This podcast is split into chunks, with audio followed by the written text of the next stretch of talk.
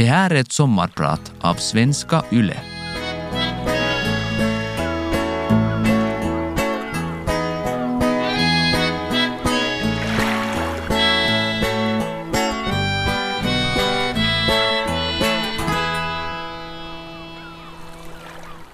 Fyra raka kanter, fyra rätvinkliga hörn, två dimensioner, en platt yta, ett tomt vitt ark eller en tom vit duk.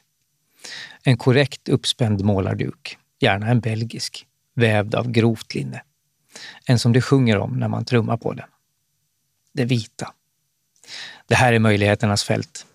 Den där tomma vita ytan som så många upplever som pressande eller rent av känner att de får prestationsångest av.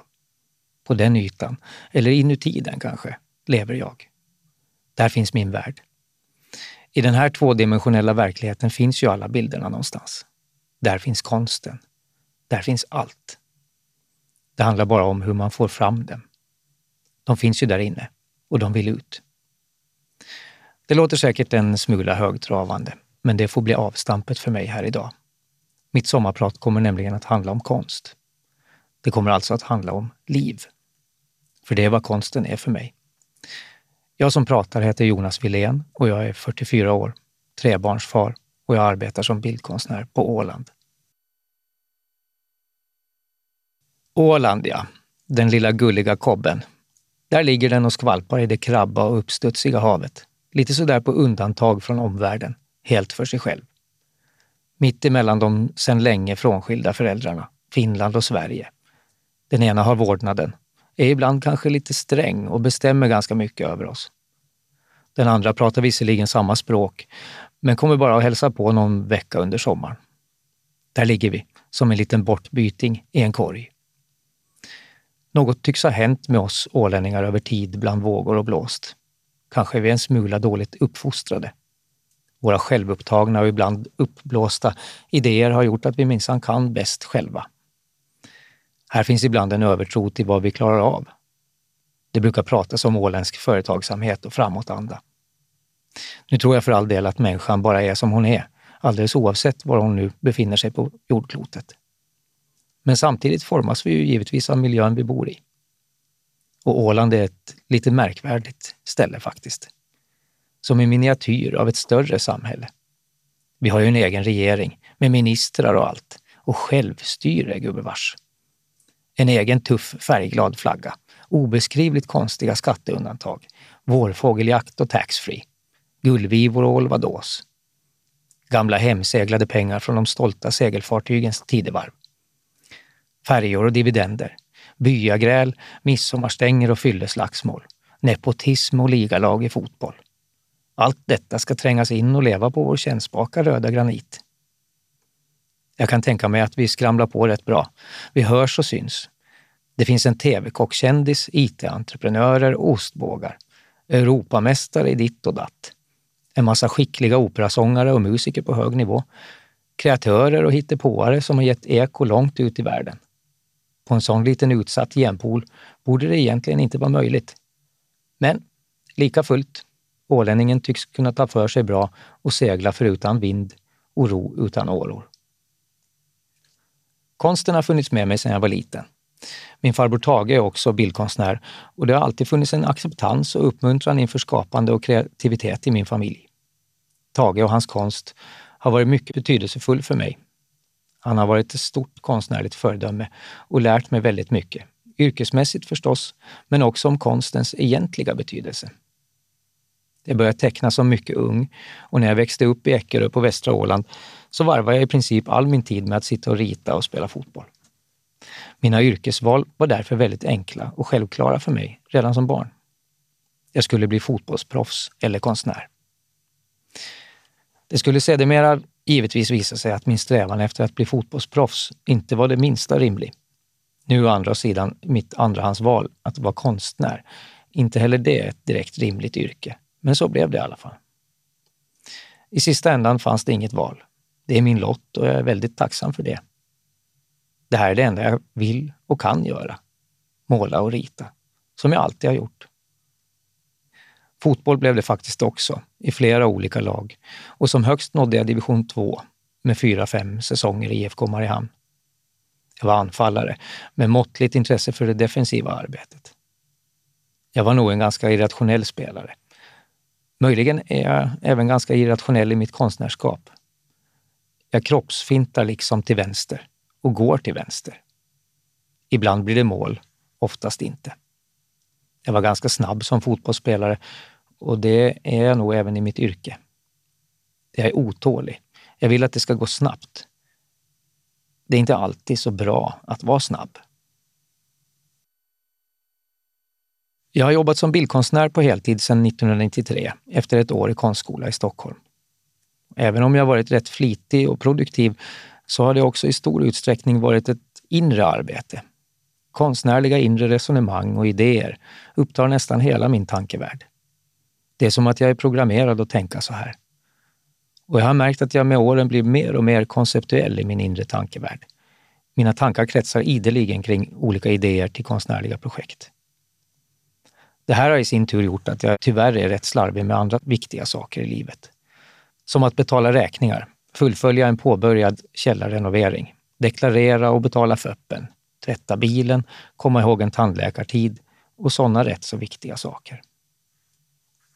Inför en större utställning eller ett större konstnärligt projekt så blir det här tillståndet av yttre kaos alltid värre. Man får vara glad om man inte glömmer bort de mest basala sakerna, som att äta och hämta barn från eftis.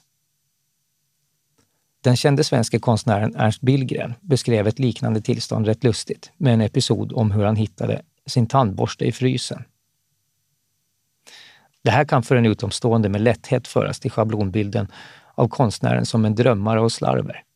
Såna är de ju, konstnärssjälarna. Charmigt? Ja. I praktiken är det här sättet att leva och tänka inte alltid kompatibelt med vardagen. Det blir lätt många jobbiga brottytor och svårigheter i det kronologiska levernet.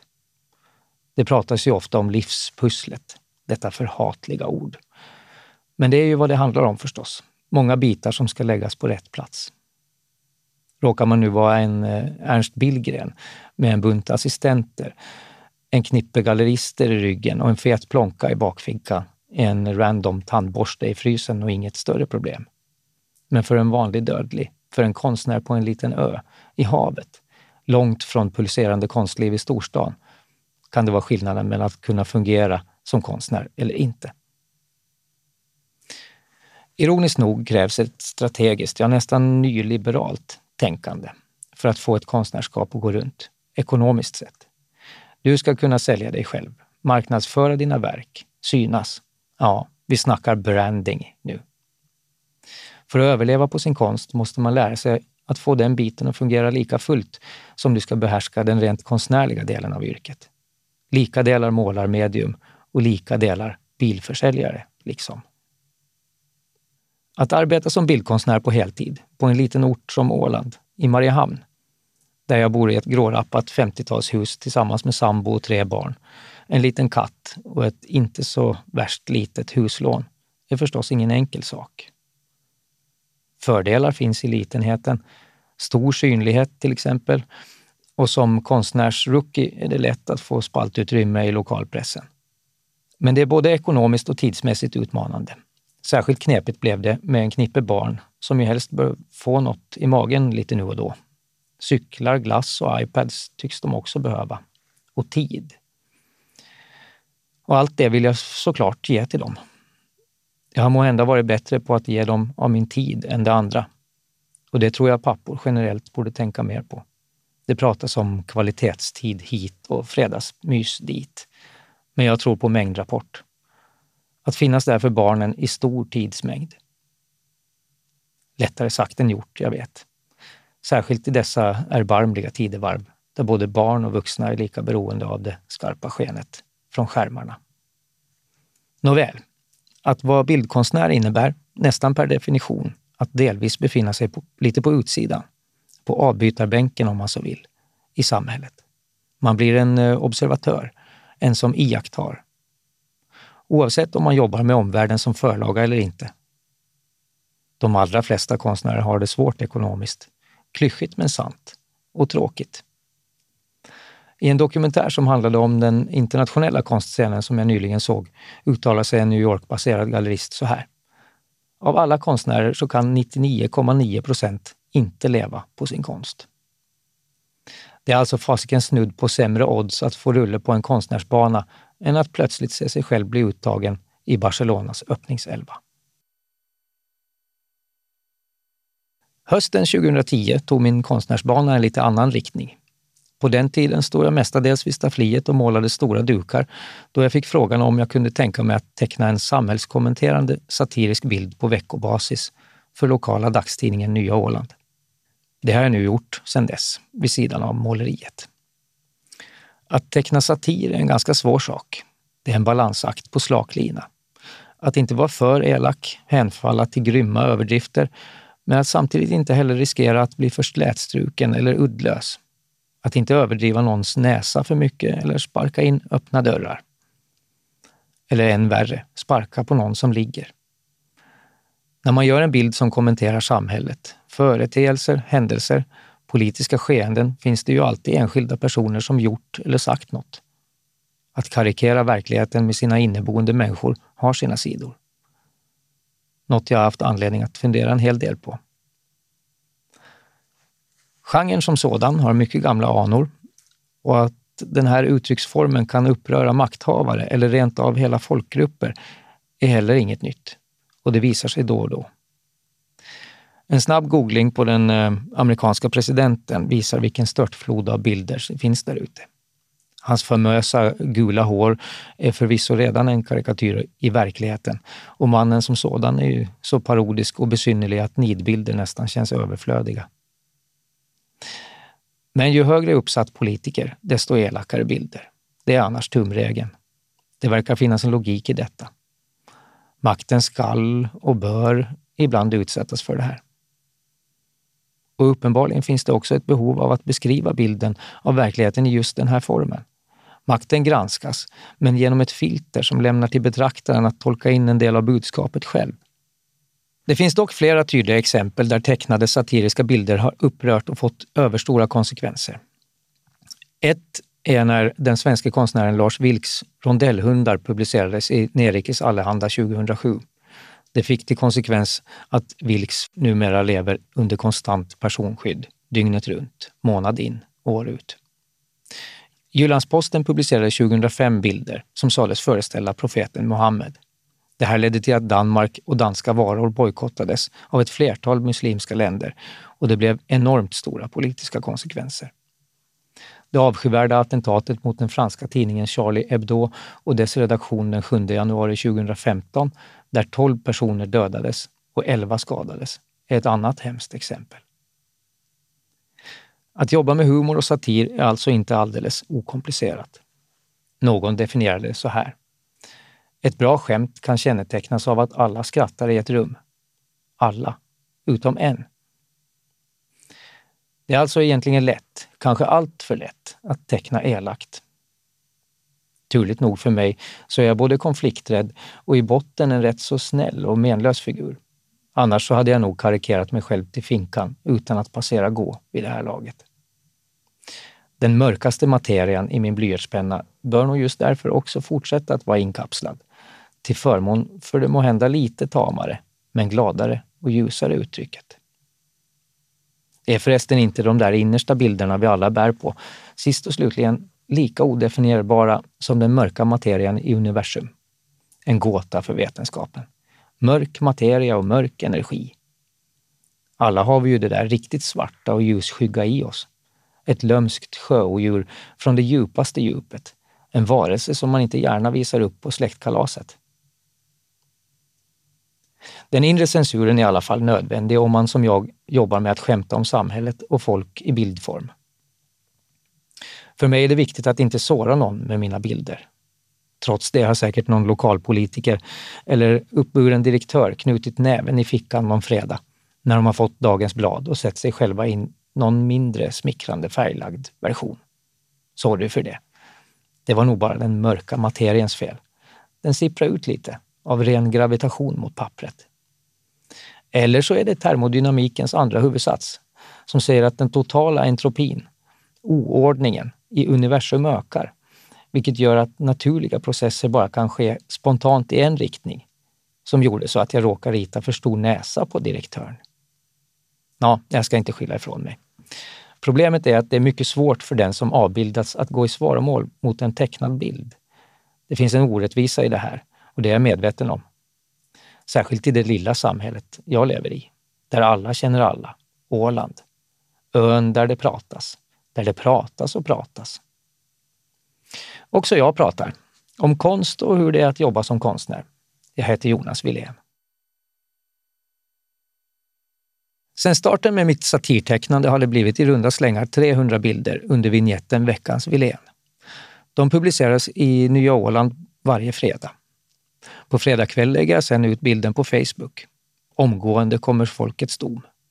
Funkar bilden eller inte? Blev det kul? Gick det hem? I dagens läge så finns det sätt att få svar på dessa spörsmål.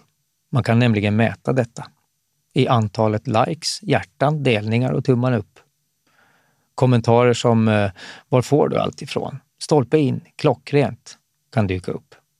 Rätt ofta är det många likes och många delningar, men ibland flyger inte bilden. Och nu för tiden är det nästan så att jag kan förutspå det på förhand. Under årens lopp har jag lärt mig, på gott och ont, vad som får flabb i stugorna.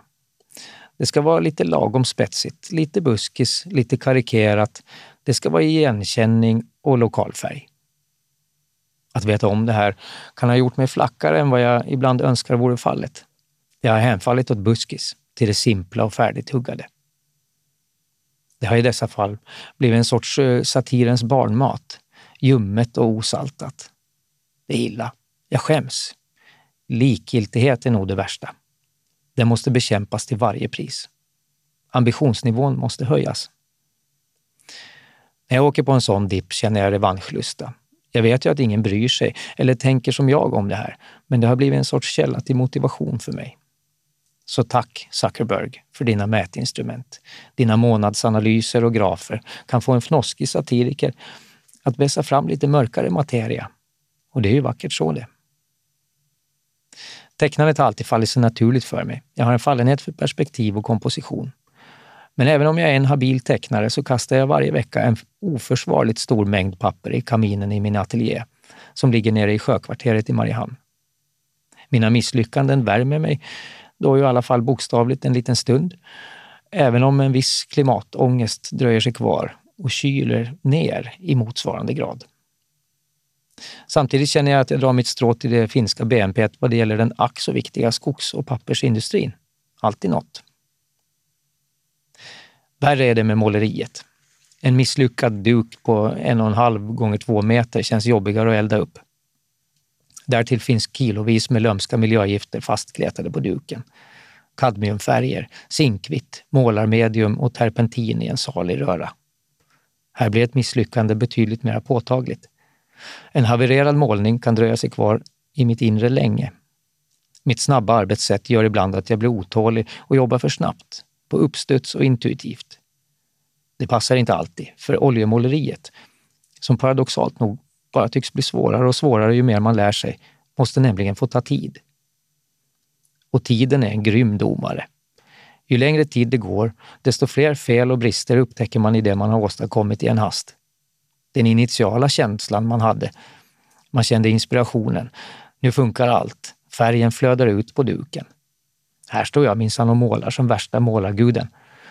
Van Gogh skulle ju bli grön av avund. Självförtroendet är på topp. Nöjd och glad lämnar man så ateljén för dagen, bara för att återkomma nästa dag och inse att van Gogh troligtvis skulle ha skrattat ihjäl sig åt resultatet som står där på stafflit. Efter en månad så inser man att Vincent skulle ha skurit av sig även det andra örat av ren självbevarelsedrift för att slippa, ja, se eländet. Och all dyrbar färg åt pipsvängen. Från början var de så fina. Alla klara, pigmentstarka, magiska färger i sina oskyldigt rena, fina, otummade, släta tuber. Färgerna tog sig ut och blev till uppstudsiga klickar i sexiga formationer på paletten. Lite kadmiumgult parar sig plötsligt med ultramarin. Veronagrön ser försiktigt på medan pariserblått börjar tuppa sig mot jordfärgerna. Kromoxidgult får plötsligt ihop det med en för dagen riktigt het klick kadmiumrött. Dansen har börjat. Det blir vildare och vildare. Allt förenas med penslar och palettkniv. Efter den vilda flamencon på paletten så stannar allting av. Torktid. Nu ligger färgtuberna plötsligt sönderklämda, tomma, hopknölade och fläckiga som en sorts kvarlämnade kadaver här och där i den klyschigt råddiga ateljén. Det är dags för eftertanke. Och det här är inte min starkaste gren tyvärr. Jag börjar hellre på ny kula än gräver ner mig i misslyckanden. Det är väl generellt sett bra att inte haka upp sig på problem, men i måleriet är man tvungen att se sina fel. Annars kommer man inte vidare.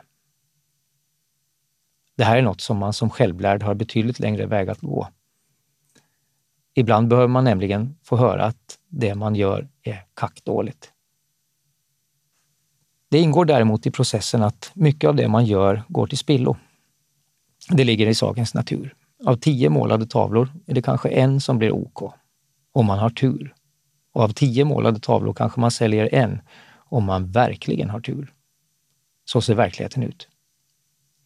Sen jag började min konstnärsbana har folks benägenhet att handla konst ändrats rätt radikalt. Jag hade min första utställning som 14-åring 1988 och har väl haft ett 50-tal sedan dess. Under mina första riktiga år som konstnär sålde jag väldigt många verk. På en liten ort gör det förstås att marknaden i någon mening blir mättad. Men samtidigt har en gradvis attitydförändring till konstinköp definitivt också inträffat. Vanligt folk, om uttrycket ursäktas, köper mer och mer sällan konst numera. Förr hade konsten, tavlan, en naturlig plats på väggen. En rätt viktig pusselbit i folks byggande av sina hem. Det hörde liksom till att man köpte en tavla eller två. Någon flyttar till sitt första boende, får en tavla av föräldrarna. Någon jubilerar, får en tavla. Antalet målade tavlor med kyrkor och havsvikar som hängt och fortfarande hänger i åländska hem tog det därför ligga väldigt högt i europeiska statistiken, om det nu hade funnits en sån spännande utredning från Bryssel. Men tiderna och köpviljan har alltså generellt sett förändrats. Nu gäller färdigt massproducerade målningar från köpladorna eller stora reproduktioner av balla fotografier i svartvitt. Eller kanske är det den avskalade rena arkitektoniska känslan som firar triumfer. Högt i tak och öppen planlösning ska det vara. Men den abstrakta konsten kan man gott leva utan. De nybyggda husen av idag är på ett sätt mera konstnärliga. Även de nyckelfärdiga varianterna känns arkitektritade. Det är liksom lite mera Corbusier än röda bonlängor med vita knutar som gäller nu för tiden. Man skulle ju kunna tro att konsten hängt med på köpet i den här sofistikerade utvecklingen. Men så upplever jag inte alls att det är. Det finns fortfarande samlare och förstås sådana som är genuint intresserade av konst, som köper från utställningar och vid ateljébesök. Men i de breda folklagren har nog ett visst mått av Ikea-fierande vad det gäller konstnärlig utsmyckning i hemmen slagit in. Det går trender i sånt här med förstås. Internationellt går däremot den klassiska stafflikonsten som tåget. Alltså i de stora kanonernas värld, på auktionshusen. Där går det uppåt bara värre. Den förnämlige brittiske målaren David Hockney slog i november 2018 nytt prisrekord för en levande konstnär när målningen Portrait of an Artist såldes på Christie's i New York för 90 miljoner dollar. Bland döingarna är Leonardo, självaste da Vinci, klar etta med målningen Salvator Mundi, som 2017 klubbades för hisnande 450 miljoner dollar. Konstvärlden är mycket bisarr. Man har mycket att lära som liten försiktig konstnär i branschen. Och en bra sak att lära sig på direkten är att det heter autodidakt om man är, som jag, självlärd. Autodidakt låter ju liksom snofsigare och proffsigare och då har man i alla fall etablerat det faktum att man har lärt sig just den saken. Bra konstnärer kopierar, mästaren själv, har det sagts. Och ägnar man sig att låna eller stjäla idéer av andra kan man likt upphovsmannen bakom det bevingade citatet, Pablo Picasso, kalla sig för eklektiker. Även det är ett bra ord att lägga på minnet. Nå, skämt åsido. Många konstnärer lånar idéer av andra och försöker forma om dem till sina. Så har det alltid varit. Ibland känns det faktiskt som att allt redan är gjort. Alla bilder är målade, alla motiv redan utförda. På alla tänkbara och därtill otänkbara vis dessutom. Finns det originalitet kvar i världen? Men då dyker till exempel Banksy upp. Den hemlighetsfulla brittiske gatukonstnären Banksy, höljd i mystik och med okänd identitet. En konstnär som har förmågan att göra det oväntade. Förra hösten chockade han en hel konstvärld när en av hans målningar, Flicka med ballong, självförstördes i samma sekund som tavlan klubbats för en miljon pund på Sotheby's i London. En inbyggd dokumentförstörare i ramen strimlade bilden halvvägs inför en häpen publik. Kort efter händelsen spekulerades det inte hur mycket målningen hade tappat i värde på grund av detta. Tvärtom, hur mycket hade priset nu gått upp? Banksy lyckades med sin manöver få oss att bokstavligt talat se på konsten med nya ögon. Verket hade varit på ett sätt, transformerats och blivit till ett annat. Konceptuellt och spännande. Filosofiskt och smart. Eller så flimrar en bild förbi i Instagramflödet. Det är en enkel men genial bild av den tyske illustratören Christoph Niemann, en av mina favoriter just nu. Han kan på ett häpnadsväckande kul sätt se bilder i vardagliga ting. Det kan vara en sax, ett par bananer eller ett par hörlurar. Saxen blir i Niemans fantasi till smäckra ben på en kvinna. Bananerna blir till bakändan på en häst och de högst verkliga hörlurarna infogas i en teckning föreställande en butter gorilla. Två konstnärer, vitt skilda i sitt uttryck, som för all del kanske inte uppfunnit hjulet på nytt, men som definitivt bidragit med en helt ny eker till fälgen. Dimensionen förändras och hjulet rullar snabbare igen. Jag sa inledningsvis att jag började rita och måla som mycket ung. Att man börjat rita tidigt är bra för imagen om man är konstnär. Det är lite som att använda ordet autodidakt när man råkar mingla på någon fräsig mottagning med högutbildade sociala djur. I sammanhanget tycks man för all del lätt glömma bort det faktum att de allra flesta småbarn gärna ritar och målar. Som barn är alla konstnärer. Svårigheten ligger i att förbli barn som vuxen. Även det är ett citat lånat av den störste, Picasso. Men det tar ju tid att lära sig något och vill man bli riktigt bra så är det ju förstås bäst att ligga i och öva. Det där med 10 000 timmar, ni vet. Så är det förstås. Och tiden man lägger ner på sitt skapande är förstås helt avgörande för vilka resultat man vill uppnå. Jag har under min eh, eh, ja, karriär varit tvungen att väldigt ofta åta mig uppdrag som kanske inte fört mitt konstnärskap framåt. I vissa fall har de kanske till och med fört mig bakåt. Det kan handla om kommersiella uppdrag. Det och det till det och det bolaget illustrationer till något projekt man egentligen inte står bakom helt och fullt. Man har gjort det för brödfödan och för amorteringarnas skull. Mitt måleri har blivit lidande på grund av ideliga uppbrott och åtaganden som haft drag av sådana här brödjobb. Det har varit en lyckad kompromiss för mig ändå, även om det bitvis har gjort mig frustrerad. Jag är på riktigt väldigt glad och tacksam för att jag överhuvudtaget kan göra det här på heltid. Det är det långt ifrån alla konstnärer som kan. Det är jag medveten om. Och för de som saknar känsla för branding eller saknar backning från en bra gallerist har det tuffare än tufft i den här branschen. Där kommer stipendierna in i bilden. Det är en oerhört viktig sak i vårt samhälle. På Åland har vi PAF, Ålands penningautomatförening, som årligen pumpar ut pengar i tredje sektorn. Kulturlivet och konstnärer inom alla genrer har möjlighet att söka projekt och arbetsstipendier för att på det viset trygga sitt skapande i vardagen. Jag satt eh, under åtta år med i landskapet Ålands konstnämnd, ett rådgivande organ som lyder under Ålands kulturdelegation. Under den tiden kände jag att det vore märkligt att söka bidrag från den nämnd jag själv satte med i och diskade mig självmant. Under de bägge mandatperioderna fick jag däremot en fin insyn i det åländska konstlivet. All den strävan som finns efter att skapa något, all lust och alla galna idéer. Den insikten gjorde mig ödmjuk inför den lokala skaparkraften och när jag nu efter ett års självpåtagen stipendieansökarkarantän ansökte om och landade ett ettårigt arbetsstipendium så känner jag mig väldigt ödmjuk och väldigt tacksam. För första gången sedan 2005 kan jag nu se fram emot en längre tids sammanhållet skapande. Med fullt fokus på oljemåleriet. utan tvång att ta så många tecknarjobb på sidan. Det känns mycket inspirerande och roligt. Jag är lika peppad inför det som jag vore om jag fick gå ut på ett fullsatt Camp Nou i Barcelona med nysmorda dubbskor på fötterna, svarta med vita ränder såklart, och hälsa lite sådär nonchalant på Leo Messi. Den pojkdrömmen är sedan länge brutalt krossad. Men varje dag, i samma stund när jag kliver in i min ateljé med sin terpentindoft och sina färgtubskadaver, påbörjade färdiga och förkastade målningar och skisser, så känner jag att min andra pojkdröm i alla fall lever i högsta grad ännu. Laguppställningen för dagens toppmöte på konstgräset i ateljén blir därför istället som följer. Universalgeniet Leo da Vinci står som vanligt i mål. I backlinjen ser vi, från vänster, koloristen Claude Monet. Mittlås bildas av den mycket formstarke Cézanne och den väldige backklippan Henri Matisse. Till vänster ser vi vindsnabbe Roy Lichtenstein.